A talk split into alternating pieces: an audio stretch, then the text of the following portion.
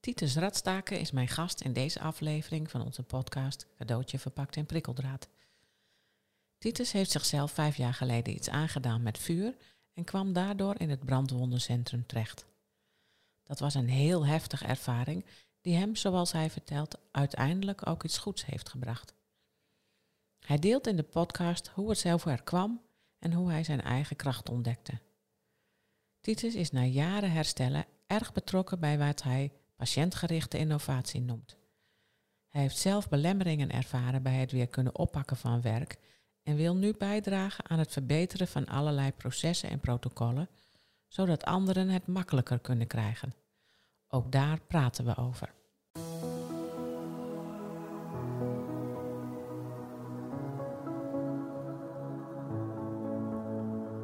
Dit is de podcast Cadeautje verpakt in prikkeldraad met Greet Vonk.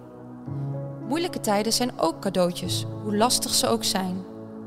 Helaas zitten ze wel verpakt in prikkeldraad.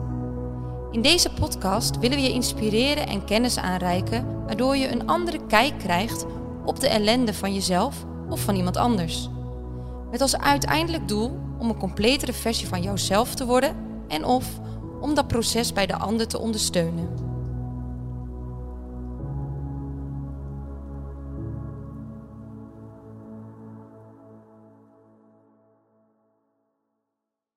Titus, welkom. Dankjewel. Wij zitten eh, wederom op een heel bijzondere plek. Misschien wil jij er iets over zeggen en uh, ik denk wel weer het verhaal erbij komt. Ja, wij zijn uh, in Elst. We zitten aan een tafel. Naast mij uh, Diane, voor jou, of jij voor mij, bij de brandweer, Midden Gelderland. nou, niet voor niets wat je zei. Mijn verhaal ja, begint eigenlijk bij, bij, ja, bij de brandweer, of begint.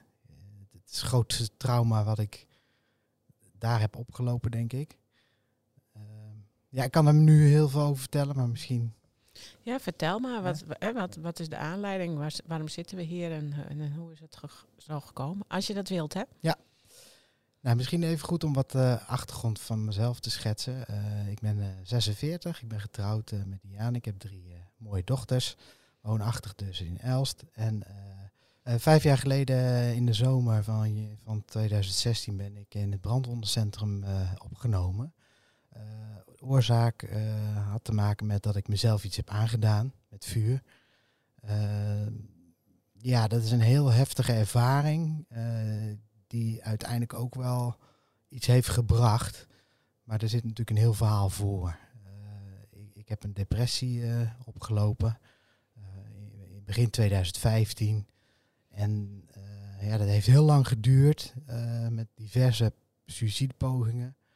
En uiteindelijk ja, mezelf iets aangedaan. Die, uh, die suïcidepogingen, die, die, was dat, had dat met die depressie te maken? Of was dat, want jij hebt ook wel eens verteld, het had met, met jouw antidepressiva te maken?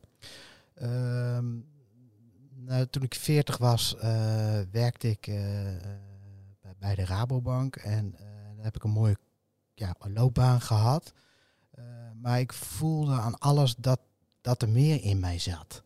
En uh, op dat moment had ik heel veel hoge werkdruk. Ik vergde heel veel van mezelf. En deed net of het heel goed met mij ging aan de buitenkant. Maar innerlijk voelde ik me gewoon heel leeg.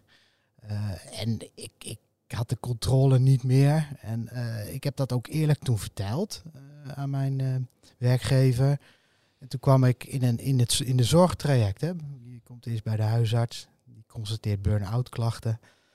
Nou, vervolgens heb ik wat rustgevende middelen gekregen. oxazepam, geloof ik. Ehm, en, en uiteindelijk ook, ja, daar werd ik gewoon niet rustig van. kreeg ik antidepressiva. En ik had al wat uh, gedachten in mijn hoofd van hey, ik, ik knal met mijn hoofd tegen een muur, maar hoe nu verder? Ik, ik, ik, ik had geen enkel perspectief. Uh, ja, als je 40 jaar lang streeft naar een bepaalde functie en dat heb je dan, ja, dan weet je niet hoe je nu verder moet. Nou, met antidepressiva heb ik mijn gedachten van wanhoop ook uiteindelijk ten uitvoer gebracht. En dat ging eigenlijk best snel. Uh, 1 april eh, 2015, dat is geen grap, eh, ja, heb ik een eerste poging gedaan. En, en, en toen zijn er meerdere gekomen. Dus, dus in een tijd van één jaar ben ik heel erg eh, wanhopig geweest. Heftig verhaal. Ja, zeker. Mooi dat je dat wil delen met de luisteraars, want die zullen dat misschien ook ervaren.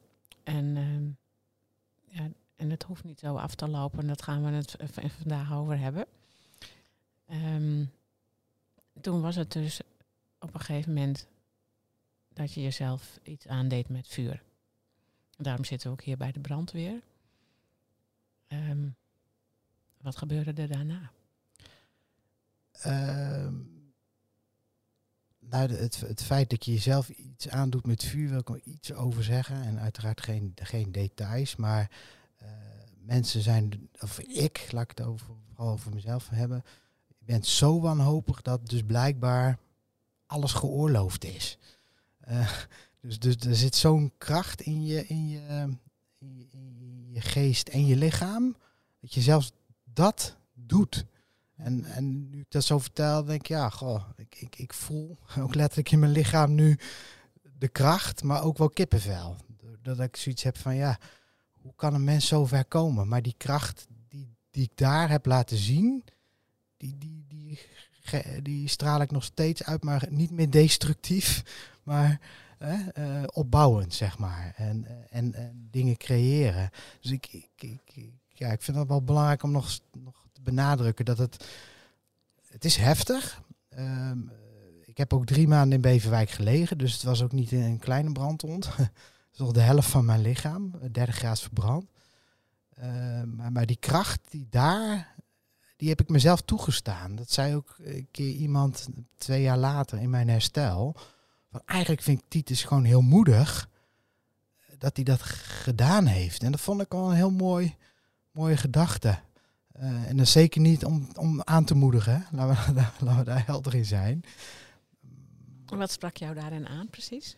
Nou, heel veel mensen eh, die hebben mij toch gestigmatiseerd. Mhm. Of, of je voelt je gestigmatiseerd. Misschien is dat wel. Ik denk niet dat je per se gestigmatiseerd wordt, maar dat, dat roep je ook over jezelf af. Als je zelf ehm, eh, eh, in een soort slachtofferrol gaat positioneren, hè, de rest van je leven, ja, dan zul je altijd zeggen, ik word niet gezien. Nee. Maar als je je wel laat zien vanuit je kracht, ja, dan maakt het niet uit of je littekens hebt. Ik bedoel, ik, het heeft wel twee jaar geduurd voordat ik met, eh, met korte mouwen en een korte broek weer naar buiten durfde. Want ik heb heel veel littekens. Ja, inmiddels doe ik dat gewoon omdat dat bij me hoort. En, en andere mensen volgens mij zien het niet eens meer. Ik word ook nooit aangesproken. En dat vind ik wel opvallend. Dat je denkt van, goh, je hebt, je hebt littekens, maar niemand zegt ooit tegen mij de afgelopen vijf jaar, wat heb jij daar nou? Dus blijkbaar straal je iets uit dat dat niet relevant is. Dus dat, dat, dat iemand dat tegen jou zei, hè, van die kracht, was eigenlijk heel belangrijk in jouw, eh, in jouw proces. Dat was een soort van erkenning voor je. Ja, een soort turning point toch wel. Hè? Ja. En, en, en daar, daar hebben we het straks ook nog wel over met elkaar, denk ik. Van eh, hoe ik dat probeer voor andere mensen met brandwonden ook eh, in gang te zetten. Eh, ja, erkenning is een heel belangrijk eh, punt. Ja. Ja, mooi. Hey, nog even terug naar de locatie hier, want we zitten hier bij de brandweer en dat is niet voor niks. Toen we hier naartoe liepen, zei jij ook van ja, als die mannen er niet waren geweest, dan was ik er ook niet meer geweest. Mhm. Dat, ehm, is dat nog beladen voor jou om nu hier zo te zitten? Eh, in, in mijn verwerking de afgelopen vijf jaar eh, heb ik samen met eh, mijn vrouw Diane ook zoveel mogelijk alle partijen bezocht die erbij waren. Dus ook de GGZ, maar ook politie, ook brandweer. Eh, ik weet niet eens wat, wat, wie we nog meer hebben gesproken. Ja, vooral familie natuurlijk, vrienden. Maar we hebben ook constant ons verhaal ook wel gedeeld. Ehm, en, en, en als dat eenmaal eh, met elkaar een verbinding heeft, dan, dan groet je elkaar ook gewoon weer het dorp. Want eh, de brandweerman die ons net binnenliet, hè, die heeft ook een snackbar. en we halen daar gewoon een regelmatige patatje. Dus hey hey Pascal. en dat voelt gewoon vertrouwd. Dus je creëert ook een omgeving eh, in je dorp waarin dit er kan zijn. Iedereen heeft een rugzakje of een kwetsbaarheid. Ja, je bent niet meer, ja dat klinkt gek, maar nou wat je net zei, er wordt heel vaak gestigmatiseerd. Maar dat speelt eigenlijk niet meer. Je bent gewoon Titus met een heleboel kwaliteiten en krachten en talenten en ook valkuilen. Ja, absoluut. Mooi. Hey, ehm, toen lag je in dat brandwondencentrum. En daar eh, is wel het een en ander gebeurd eh, met jou, heb ik begrepen. En wil je daar iets over vertellen? Ja, ik ehm, ehm, eh, ben uiteindelijk opgenomen in Beverwijk, het Rode Kruisziekenhuis. Ehm, uiteraard met toetsen en bellen eh, als je 50% verbrand bent. En ik werd na zes weken, kwam ik langzaam uit een coma. Je werd zes weken in coma in coma, gehouden. ja. Mhm. Of zes weken, misschien vier, vijf weken, maar een stukje bewust, bewustzijn heb je daar niet. Dus eh, mogelijk zegt de arts wel van het was drieënhalve week, maar in mijn beleving was het eh, vier tot vijf tot zes weken. En daar kom je dan uit en ehm, ja, achteraf bezien zijn die drie maanden ook een, een, vage herinnering. Heel veel mensen hebben mij daar ook natuurlijk weer ontmoet en, en, en zagen ook dat het lichamelijk wel weer redelijk ging. Eh, en toen kreeg ik ook te horen van, nou, herstel gaat voorspoedig, ga maar weer snel naar huis. Nou, vijf jaar later, daarop terugkijkend, weet ik daar bijna niks meer van. Dus dat wil ik ook een beetje de luisteraar meegeven van, eh, het lijkt soms alsof het heel goed gaat hè, met, met, met mensen met een, eh, met een lichamelijk letsel, lichamelijk trauma. Maar dat heeft heel veel tijd nodig om daar ook weer echt eh, ja, volledig uit te kunnen komen. Maar goed, even in, het kort, het brandwondencentrum. Ja, ik ben daar goed ehm, eh, verzorgd, uiteraard. Goed behandeld. En ik heb ook eh, daar de verbinding ervaren. Van, van met name ook nazorgverpleegkundigen. En dat heeft gewoon een goede start gegeven toen ik uiteindelijk thuis kwam. En, en hoe ging het met jouw depressie? Want je was, door depressie was je daar eh, uiteindelijk gekomen.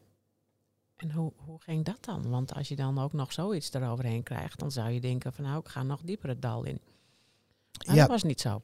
Nee, kijk, vanuit het eh, medisch model hier in Nederland eh, heb ik uiteraard de psychiater aan mijn bed gehad. Ook eh, in die drie maanden. Ehm, eh, mijn vrouw heeft ook contact gehad en, en gesprekken gevoerd met de psychiater. Dus in die zin was ik gewoon een psychiatrisch patiënt.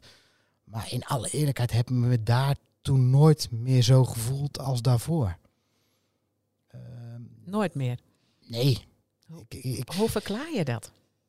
Ja, ik lees ook best wel veel en, en ik denk dat het ook echt met, met, met het- de hersenen en neurologie te maken heeft. Ik ben eh, vijf tot zes weken geneutraliseerd in mijn gedachten. Ik, ik zie het wel als een soort karrenspoor. Ik heb eh, anderhalf jaar lang honderd keer per dag gedacht in mijn depressieve periode. Hoe ga ik er een eind aan maken? Echt honderd keer per dag. En daar is dat even stopgezet Mhm. mijn hersenen hebben daar even rust gekregen.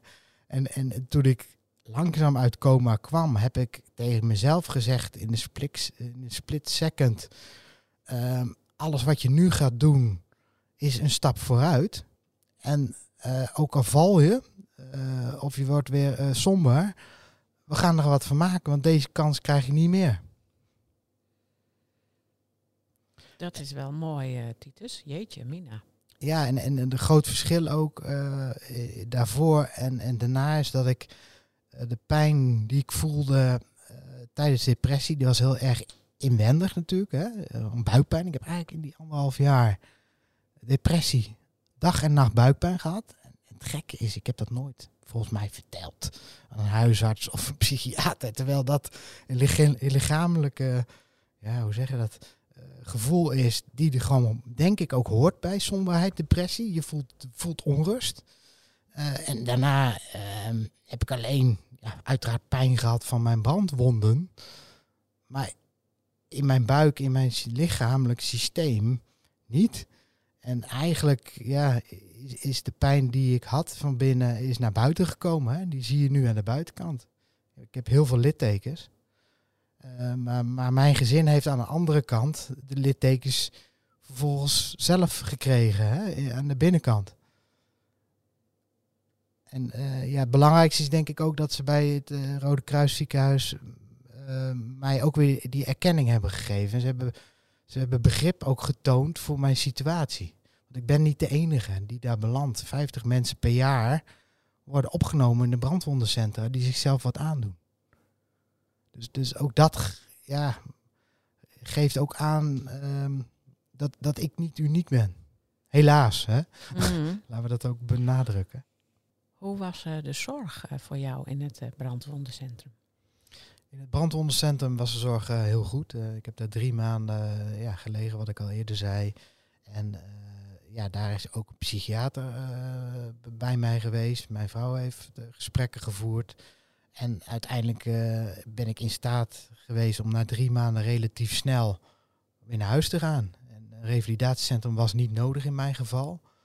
Dus ja, wat dat betreft is die zorg eh, gewoon heel goed. En op een gegeven moment kom je thuis en dan eh, komt de nazorg om de hoek. Eh, wij hebben het telefoonnummer van de nazorgverpleegkundige van het brandwondencentrum die we tot op de dag van vandaag kunnen bellen. Als dat we, is dus echt heel goed geregeld. ja, ehm, eh, en dat hebben we ook zeker gedaan. Ik, ik, het herstel van brandwonden met, met, met vooral een groot lichamelijk oppervlak is zeer intens en dat duurt gewoon jaren. Met name door eh, de littekens die je hebt. eh, en dat behoeft veel correctieoperaties. Maar ook de psychosociale nazorg. eh, die wordt ook steeds beter binnen brandwonden. En daar mag ik ook een bijdrage aan leveren als voorzitter van de patiëntenvereniging. Oké, nou dat klinkt heel goed. Waar sta jij, ehm, waar sta jij nu ergens? Want hè, eh, dat is nu alweer een aantal jaren geleden. Hoe is het? Hè, dan kom je thuis en dan, ja, dan moet je op een gegeven moment het leven weer op. Hoe hebben jullie dat gedaan? Hoe heb jij dat gedaan? En nou ja, wij kennen jou nu sinds kort en het gaat eigenlijk heel goed met je. Maar hoe heb je dat voor elkaar gekregen? Dat je nu bent waar je nu bent? Kun je iets over dat proces delen? Eh, ja, wat, wat ik al eerder aangaf, eh, in het brandwondencentrum heb ik een soort bewustwording over mezelf gekregen. Dat ik dacht van, ik moet nu bij elk stapje wat ik maak, niet terugvallen in het patroon wat ik 40 jaar lang heb gehad. En wat was dat patroon? Wat vindt men van mij? Doe ik het wel goed genoeg als vader, als echtgenoot, als zoon van? Eh, laat ik vooral zien dat ik alles perfect doe aan de buitenkant, maar inwendig heb ik me totaal verwaarloosd. Ehm, en, en dat heb ik in het brandwondencentrum toen ik uit coma kwam me heel erg gerealiseerd. En dat is vijf jaar geleden, dus eh, die weg is heel lang. Want jij zegt nu net tegen mij inderdaad van het gaat nu goed met mij. En ik kan eigenlijk pas zeggen, ja, sinds ik jullie ook heb ontmoet, eh, dat, het, dat ik echt ook geloof dat het goed met me gaat. Ehm, maar even terugkomend op die periode van 2016 tot, tot het moment dat ik jullie eh, zeg maar tegenkwam. Ja, heb ik vooral eh, de tijd genomen. Ik denk dat dat een hele belangrijke is. Neem de tijd om te herstellen van een trauma. Ik heb me ook niet op laten jagen. En ehm, in de voorbereiding van dit gesprek heb ik ook ehm, eh, nog eens nagedacht van... Goh, waar zit nou ehm, nou ja, die kritische succes, succesfactor? En ik denk dat dat eh, vooral ja, te maken heeft met durf fouten te maken. Onderken dat ook. Voel dat ook in je lichaam. Want dat, ik, ik ben lichamelijk behoorlijk eh, ja, kwetsbaar. En als ik ehm, met mensen omga waar ik voel dat de energie niet goed zit, dan voel ik dat in mijn lichaam nog extra hard. En dan ben ik, en dat kan mijn eh, vrouw beamen, dan ben ik gewoon een dwel. Dan lig ik weer een paar uur op de bank. Maar dat is voor mij inmiddels een kompas door te zeggen, hé, hey, hoe kan het dat ik nu al wekenlang bij wijze van spreken geen middagdutje doe? betekent eigenlijk dat ik op koers zit.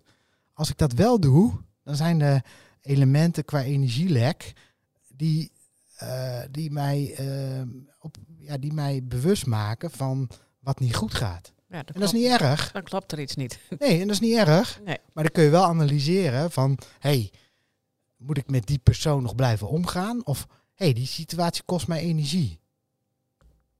Hoe zit het precies? Ja. Ben jij veel sensitiever geworden ook? Ja, absoluut. Ik, ik had, eh, ehm, ik denk dat ik het altijd wel in me had. Onze dochter van 13, die is ook eh, hooggevoelig. En dat zal ze ook niet van een vreemde hebben. Waarvan ik overigens denk dat ze vooral dat van Diane heeft. Maar ik durf inmiddels wel te herkennen en erkennen dat ik ook dat wel heb. En maar dat had je, daar was je niet zo mee bezig. En nu wel. Ja, ik denk niet dat je ermee bezig moet zijn. Je moet gewoon over je heen laten komen. Ja. Nee, maar Ja. dat je, de, ik Ja. bedoel in de zin van dat je met de signalen iets doet. Nee, dat klopt. Ja, Ja. absoluut. Als ik het goed begrijp, wat je eigenlijk gedaan hebt in het brandwondencentrum is een soort van switch gemaakt van ja, leuk wat iedereen van mij vindt of wat ik denk wat iedereen van mij vindt, hè, want dat staat Mhm. vooral in jou. Maar ik ga nu doen wat ik wil en wat ik belangrijk vind en wat, wat, wa- waar ik voor wil staan in het leven. Ja, dat, eh, die intentie was er. Maar absoluut nog niet wetende waar dat toe zou leiden. Dat niet. Maar goed, als je die intentie uitspreekt, dan ga je stapjes maken. En ik heb al vaker ook in media gezegd, elk stapje is een stapje. En ik kon ook helemaal niks lichamelijk. Hè? Dus die eerste twee jaar was alleen mijn lichamelijk herstel. Dat ik weer kon fietsen, dat ik weer kon autorijden. Dat heeft ook allemaal heel lang geduurd. Dus, dus in zo'n groot trauma ben je eerst twee, drie jaar misschien wel lichamelijk heel erg bezig. En daarna komt de mentale, mentaal herstel. En, en, en toen kwamen jullie daar ook voorbij natuurlijk. Misschien wil je daar iets over vertellen nu, hoe dat mentaal dan precies zat. Ja, ehm, ehm, ik denk dat ik in 2018, 2019 voor het eerst pas aan mijn vrouw vroeg van... Goh, hoe was het voor jou? Wat je hebt meegemaakt. Want zij eh, heeft mij eh, ja, letterlijk ook in brand zien staan. Nou ja, je kan je voorstellen dat dat eh, ook het, een trauma met zich meebrengt. Ja, En absoluut. Ehm, daar, daar begint pas het mentale herstel. Als je alleen maar bezig bent met jezelf, met je eigen lichaam. Ja, dat is ook geen verwijt naar mezelf toe, hoor, want dat is gewoon een situatie waar je eerst doorheen moet. Ehm, maar dan komt pas de ander. En als je dan met de ander die reizen ook gaat eh, vervolgen, dan komt pas je mentaal herstel. Want dan kom je ook allerlei eh, valkuilen tegen. Die ik natuurlijk tot, tot, tot mijn depressie constant om me heen had. Dus dat her mentale herstel is denk ik pas twee jaar geleden begonnen. En daar ben ik denk ik in alle eerlijkheid nog steeds niet. Maar dat is ook niet erg. Ja, nou ja, wat is, wat is op een gegeven moment, waar ben je dan? Hè? Ik bedoel, eh, als je zoiets meemaakt, hè, dat, dat leert de ervaring ook. In, dat, dat zien wij ook in onze praktijk heel veel gebeuren. Als mensen zoiets meemaken en er inderdaad uiteindelijk sterker uitkomen, ja, dan blijven ze groeien. En wanneer ben je dan klaar? Nou, precies. En, en ja, dat vind ik ook wel mooi van wat ik nu op dit moment aan het doen ben. Heel veel mensen zeggen, "Goh, goede dingen. En denk ik, ja, ja, check, leuk. Maar we gaan gewoon door. Ja, Zo zit ik er een beetje in, ja. En je geniet wel van wat je nu aan het Nee, doen bent. Uiteraard. En Ja. maar het belangrijkste is denk ik dat ik het ook doe voor, voor mensen die nu in zo'n situatie zitten. Eh, en nou, daar hoop een, een voorbeeld voor te zijn. En als ik dit verhaal niet vertel, ja, dan, dan weet niemand daarvan. Eh, dus ja, dat is denk ik vooral mijn drijfveer. Ja, precies.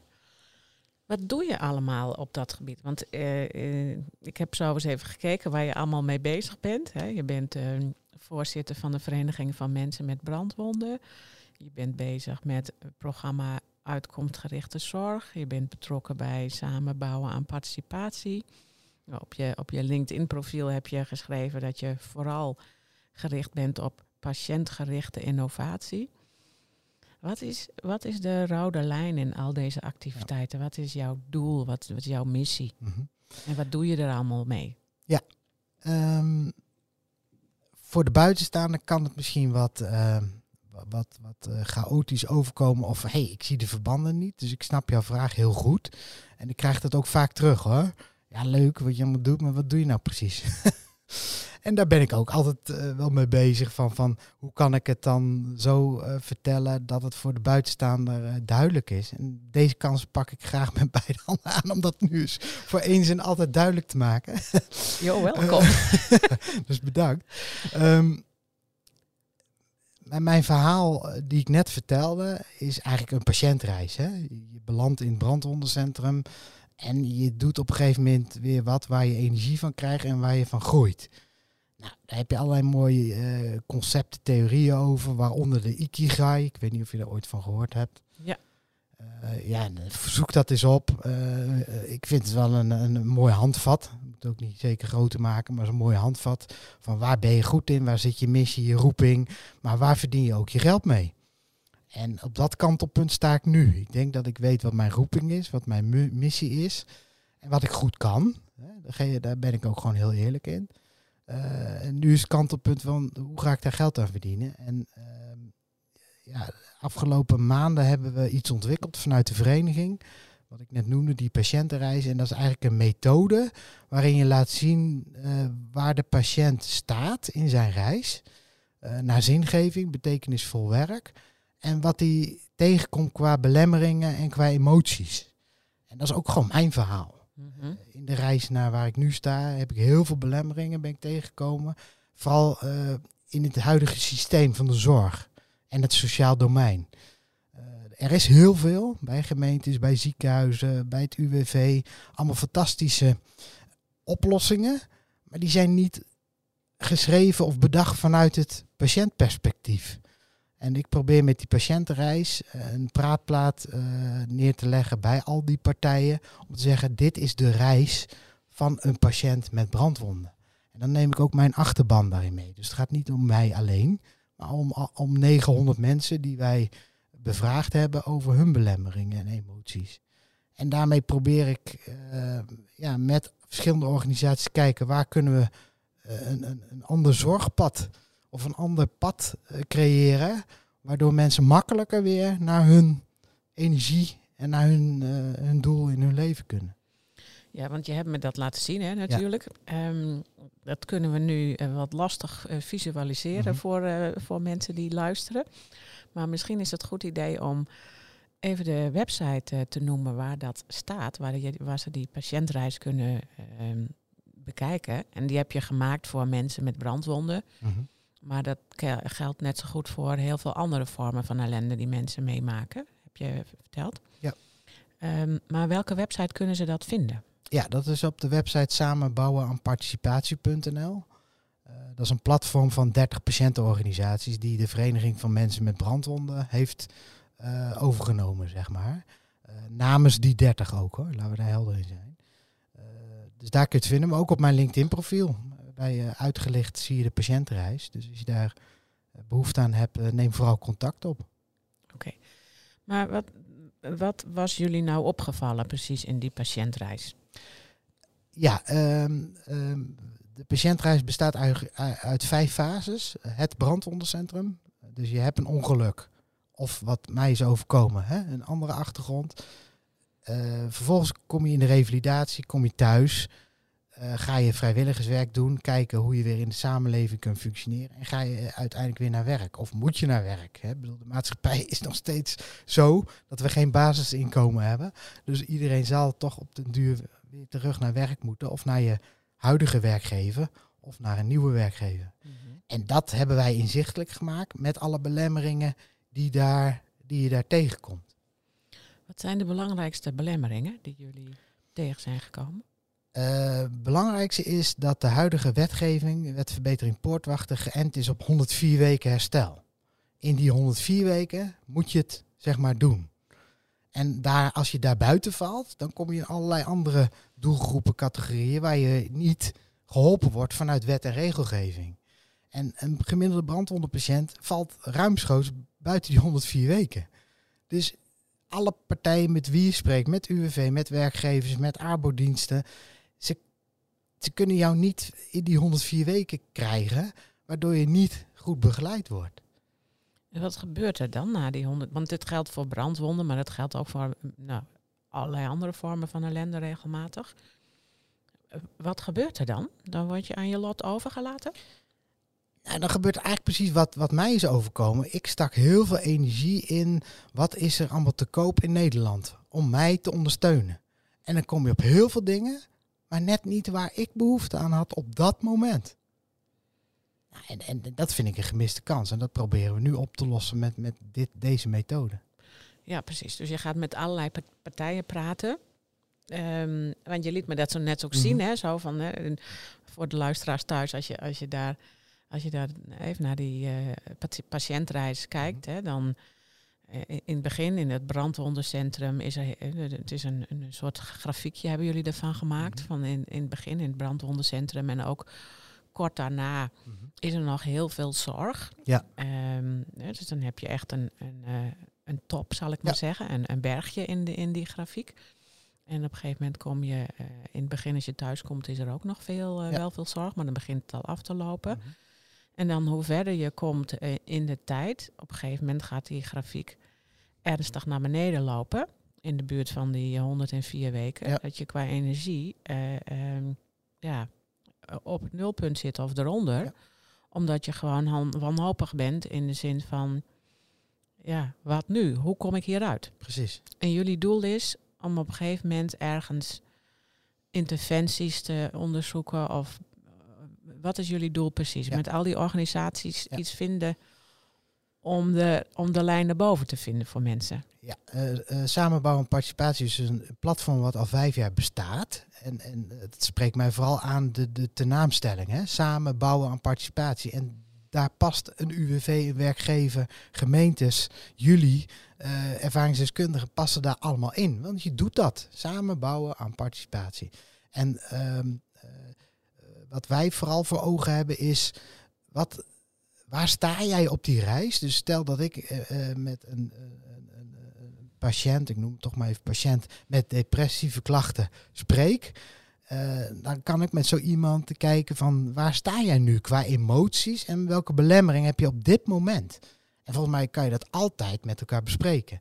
En dan zal ik kijken of er partijen zijn die de, de- diegene daarbij kunnen ondersteunen. En dan denk ik heel snel aan jullie. Hè? Want ik heb vanuit mijn ervaring vanuit depressie, denk ik dat eh, Sterker door ellende een hele mooie interventie is om met jullie in contact te komen. Wat was, nou, hè, wat, wat, dat is eigenlijk, we hebben maar een paar gesprekken gedaan met jou destijds. En Volgens mij maar twee zelfs. Dus dan lijkt het helemaal niet zo heel ingewikkeld, zou je denken. Maar het is het kennelijk wel. Wat was, wat was dat nou, wat maakte het verschil?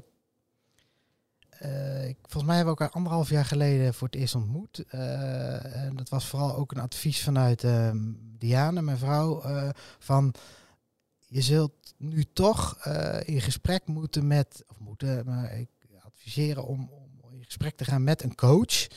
Voor, voor om het risico te voorkomen dat je toch weer in je oude patroon schiet.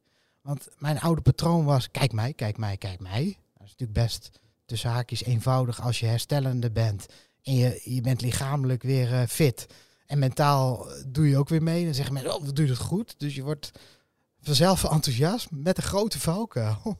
Dat je ineens weer onderuit schiet. Want dan doe je het weer voor die ander. Mhm. En jullie hebben mij die spiegel voorgehouden in die twee gesprekken. Van, goh, wat knap waar je staat.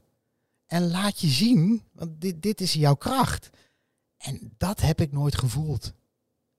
Die innerlijke kracht. En dat gaf ik ook in deze podcast een begin aan, hè, die kracht. Maar daar hebben jullie vooral de aandacht op gericht. En, en, en toen ging ik vliegen. Ja, dus eigenlijk, nou ja, dat doen wij heel vaak. Hè. Je kunt heel erg goed kijken naar klachten van mensen. Dat gebeurt ook heel veel. Hè. Dat mensen met wat voor vorm van ellende ook, hè, dat er een diagnose is en dat er een, gekeken wordt naar klachten en hoe kunnen we die dan verminderen. Eh, zonder de pijn van mensen te bagatelliseren, kijken wij vooral naar krachten die mensen hebben. En dat was bij jou kennelijk een schot in de roos. Wat gebeurde er daarna? Ja, dat is heel, heel, heel exemplarisch toch. Ik, ik, ik, ik had een part-time baan nog voor een paar maanden met het project Samenbouwen en Participatie. En toen ben ik gaan nadenken, ga ik weer solliciteren? Ga ik weer in een keurslijf? Toen heb ik besloten om gewoon dat niet te doen. Want ik heb nog steeds een WIA-uitkering. Eh, en met, dat, met die uitkering kunnen we net rondkomen. Maar dat geeft toch ergens ook wel een stukje zekerheid. En ik heb, eh, ben gewoon ondernemer gaan worden. Dus ik heb nu eh, zeven maanden een eenmanszaak. En ik ben een vrije jongen die met verschillende organisaties samenwerking aangaat. En dat mag gewoon, dat mag. Dat mag je naast de wifi Ja, dat is een doen. perfecte vraag die je nu stelt. Schot in de roos. Ja, formeel moet je het melden aan het UWV. En dat doe ik ook gewoon. Maar zij gaan niet voor mij bepalen wat ik buitenshuis doe, met wie ik samenwerk. Dus eh, ja, het mag. Mits je, mits je het meldt.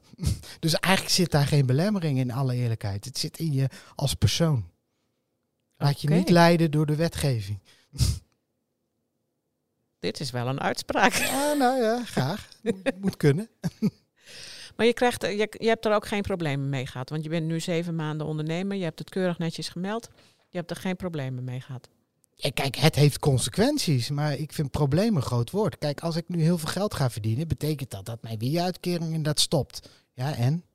Ja, dat Dan is heb ik het ook niet meer nodig. Nee, precies. Nee. Dus kijk, en het is wel zo, eh, misschien werk ik wel 50 uur en krijg ik niet die beloning nog op dit moment. Dat klopt, maar dat is toch mijn eigen tijd.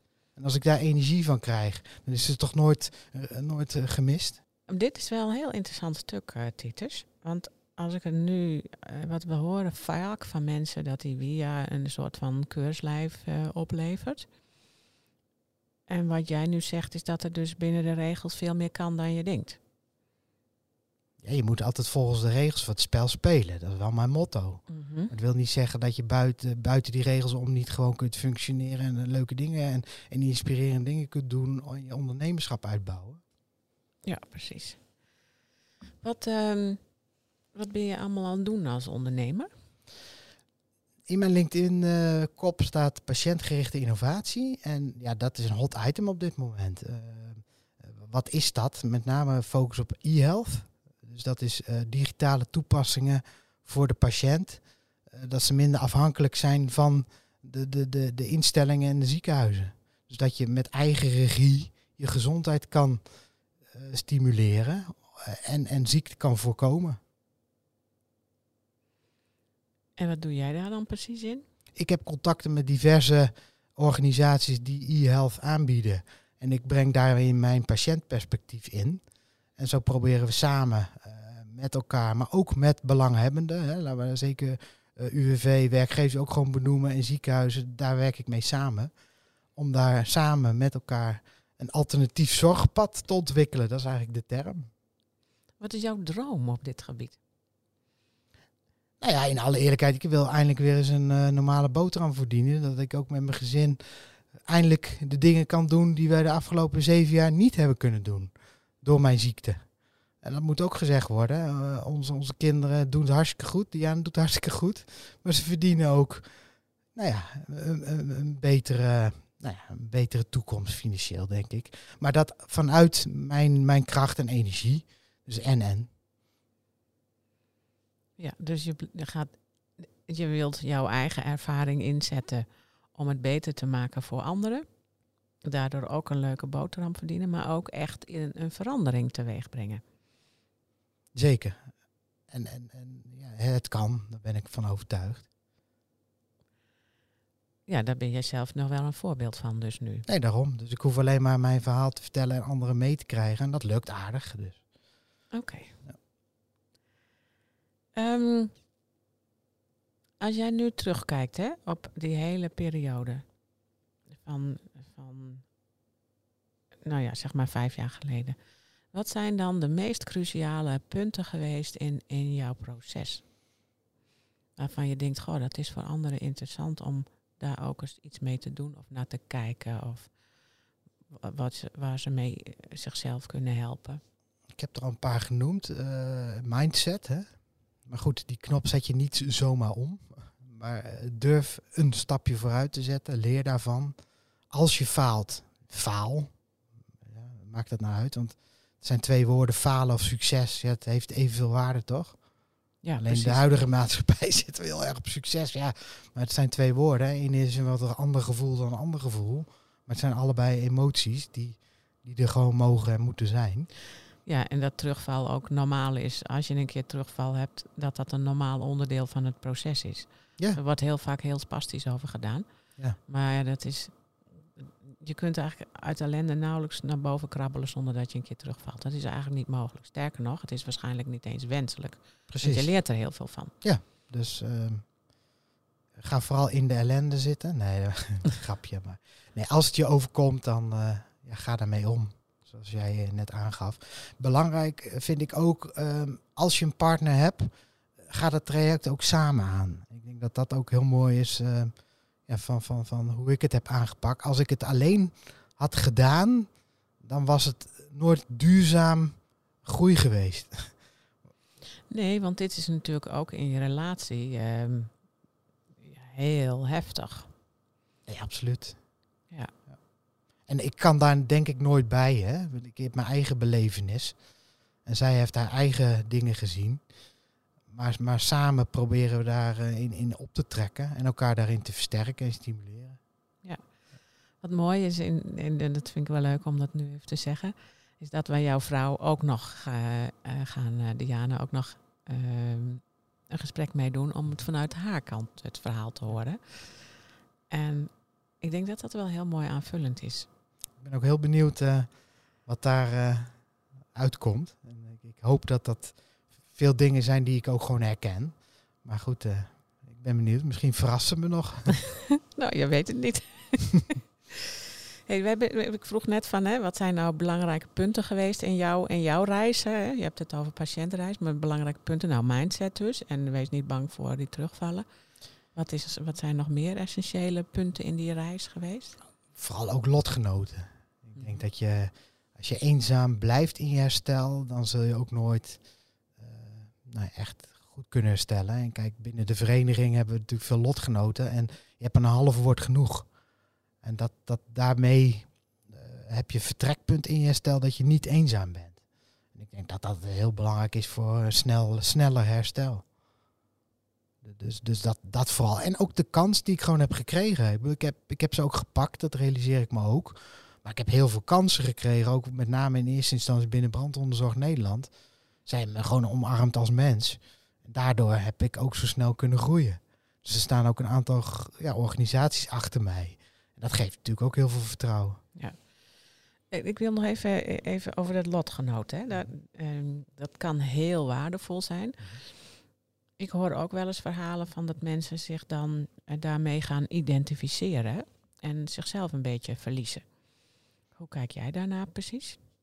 Ja, er zitten verschillende fasen in, in, ehm, nou ja, in, je herstel, ook in ervaringsdeskundigheid. Ik gebruik dat vaak van je, je moet eerst tot een stukje zelfonthulling komen. Hè. Dus durf je te vertellen wat je is overkomen. Hè. Dus wat mij is overkomen. Maar dat geldt ook voor lotgenoten.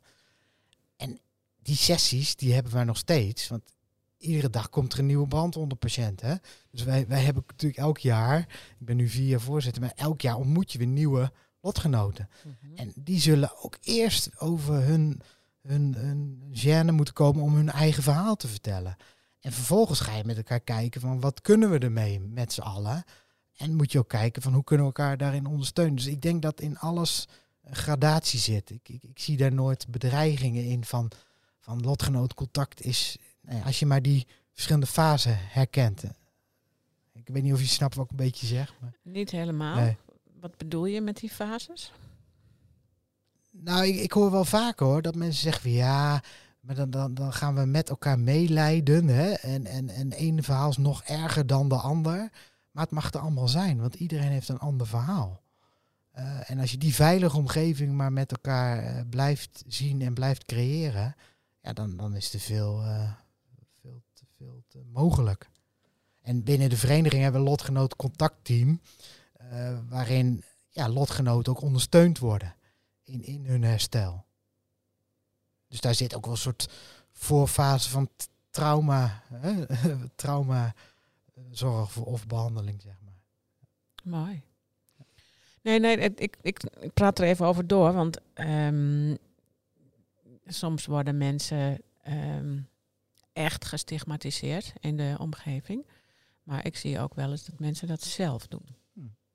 Dat klopt. En ik denk dat die dan nog in die beginfase zit. En dat is niet om te bagatelliseren of zo. En ik zal ook zeker niet zeggen dat je dat niet moet doen. Of zo. Nee, ik denk dat het zo'n ik bedoel je. Laat, ik heb er geen oordeel over in de zin van dat het fout of goed is, maar het is wel handig om eh, voor jezelf te bekijken van ehm, ja, blijf je wil, je wil je voor de rest van je leven naar jezelf kijken als nou ja, iets hè, wat je hebt? Of ben je, zoals wat jij nu doet, Mhm. hè? je bent gewoon een mens met heel Mhm. veel krachten en kwaliteiten en Mhm. bent daar mooie dingen aan het doen. Ja, nee, en dat is denk ik ook het idee van deze podcast. Van, eh, je hebt een keuze. En het is heel moeilijk om misschien die knop om te zetten. Maar het kan wel. Ook al heb je hele heftige dingen meegemaakt. Besteden jullie daar aandacht aan in, in, eh, in de vereniging, aan dit soort onderwerpen? Dat is, dat, vind, dat is namelijk best wel, ik vind het ook wel spannend om dat hier in de podcast te bespreken, merk ik. Want ehm, ja, voor sommige mensen is dat wel hun houvast. Nou ja, de, de brandonderzorg loopt daar gelukkig redelijk in voorop. In die psychosociale nazorg. De- ook zorgprofessionals onderkennen en, en onderzoekers, wetenschappers onderkennen steeds meer eh, het belang van, van, van ja, die psychosociale nazorg. En dat, daarin hebben wij als vereniging ook gewoon een rol. Wij ontmoeten als eerste vaak hè, die hele kwetsbare mensen. Nou ja, en, wij bieden laagdrempelig een luisterend oor. En als het eh, zwaarder wordt, ja, dan gaan ze terug naar de medische of naar de zorgprofessional of naar de GGZ of op andere, of naar jullie uiteraard. Eh, en ik denk dat daar ook wel een mooie samenwerking misschien in eh, nog in kan komen eh, met jullie ook. Ik wil jullie graag introduceren wat dat betreft. Nou ja, je, ik denk ook dat dat. ehm, nou ja, wat, wij, wat wij graag doen is vooral inderdaad kijken naar de mens. En naar die, wat ik net ook al zei, naar diens kwaliteiten, krachten, talenten. En eventueel bijbehorende valkuilen, die hebben we natuurlijk ook allemaal. Ehm, zonder alleen maar op de klachten te focussen. Mhm. Nou, daar, maar goed, het is wel een spannend onderwerp. Want soms, ja, het, ja het lukt, dat lukt gewoon niet iedereen om die, om die, om die kracht te vinden. Ik denk dat eh, leiderschap daar ook wel een belangrijk eh, onderdeel in is. Binnen de vereniging eh, peppen we elkaar ook steeds meer op van kijk, we doen de goede dingen. En mensen worden daarmee ook geenthousiasmeerd. En mensen die nu eigenlijk niet weten wat ze nog moeten, die, die kloppen nu aan bij de vereniging. Hé, hey, jullie doen hele mooie dingen. Kun, kunnen jullie mij ook ondersteunen? En we hebben al een aantal voorbeelden van mensen die tien jaar thuis zitten. eh, omdat ze, nou eh, ja, door werkgevers niet worden aangenomen. Omdat ze bijvoorbeeld geamputeerde vingers hebben of zo door een ongeluk. Eh, maar vervolgens geven wij ze de kans. En dat zijn allemaal toppertjes die wij inzetten voor, voor onze missie. En die heeft nu gewoon, diegene heeft nu een baan. Hè? Ja, eh, die, die bij haar past. Dus, dus waar hebben we het dan met elkaar over? Hè? Eh, dat soort dingen gebeuren helaas nog steeds. Ja. Echt geweldig. Ja, dat zijn de voorbeelden die Ja. je moet hebben. Ja. Titus, is er nog iets wat jij ehm, kwijt wilt? Wat je denkt van nou, dat vind ik belangrijk om nog te zeggen in dit gesprek. Ik heb het gevoel dat bijna alles wel gezegd is. Ehm, ik zal vooral willen oproepen om, om als je dingen hebt gehoord die, waarvan je denkt van hé, hey, daar kan ik iets mee of daar moet ik iets mee. Ja, neem contact op met, eh, met, met jullie Greet. Of, of stuur gewoon eens een berichtje naar mij via LinkedIn. Eh, eh, ja, ik heb een groot netwerk en eh, ik, ik help je graag op weg, ook al is het maar een klein stapje. Dus volgens mij moeten we het niet groter maken dan het is. Zoek mensen op die de weg al hebben gelopen. En nou ja, een klein belletje is gedaan en er kan misschien hele mooie dingen gebeuren. Super bedankt. Dankjewel voor jouw openheid en, en voor dit gesprek. Jij ook bedankt. Dankjewel voor het luisteren naar deze cadeautje verpakt in prikkeldraad podcast. We willen nog graag een paar belangrijke dingen met je delen. Als je enthousiast bent over deze podcast, dan zijn we blij met een review. Daarmee help je ons bij onze missie. Je kunt de podcast natuurlijk ook doorsturen aan mensen van wie jij denkt dat ze er ook iets aan hebben. Wil jij voortaan alle nieuwe podcastafleveringen overzichtelijk op een rijtje? Abonneer je dan op deze podcast. Heb je vragen of ideeën voor deze podcast? We horen het graag. Je kunt een mail sturen naar info@sterkerdoorellende.nl of Greet Vonk een bericht sturen op LinkedIn. Zoveel mensen kunnen profiteren van een andere kijk op ellende. Het is daarom onze missie om PTG bekender te laten worden dan PTSS. Wil jij meer weten over PTG of bijdragen aan onze missie? Kunt op onze website www.sterkerdoorellende.nl onze boeken bekijken en eventueel kopen, de e-learning bekijken, een gratis inspiratiesessie volgen, de PTG vragenlijst invullen, workshops en opleidingen boeken.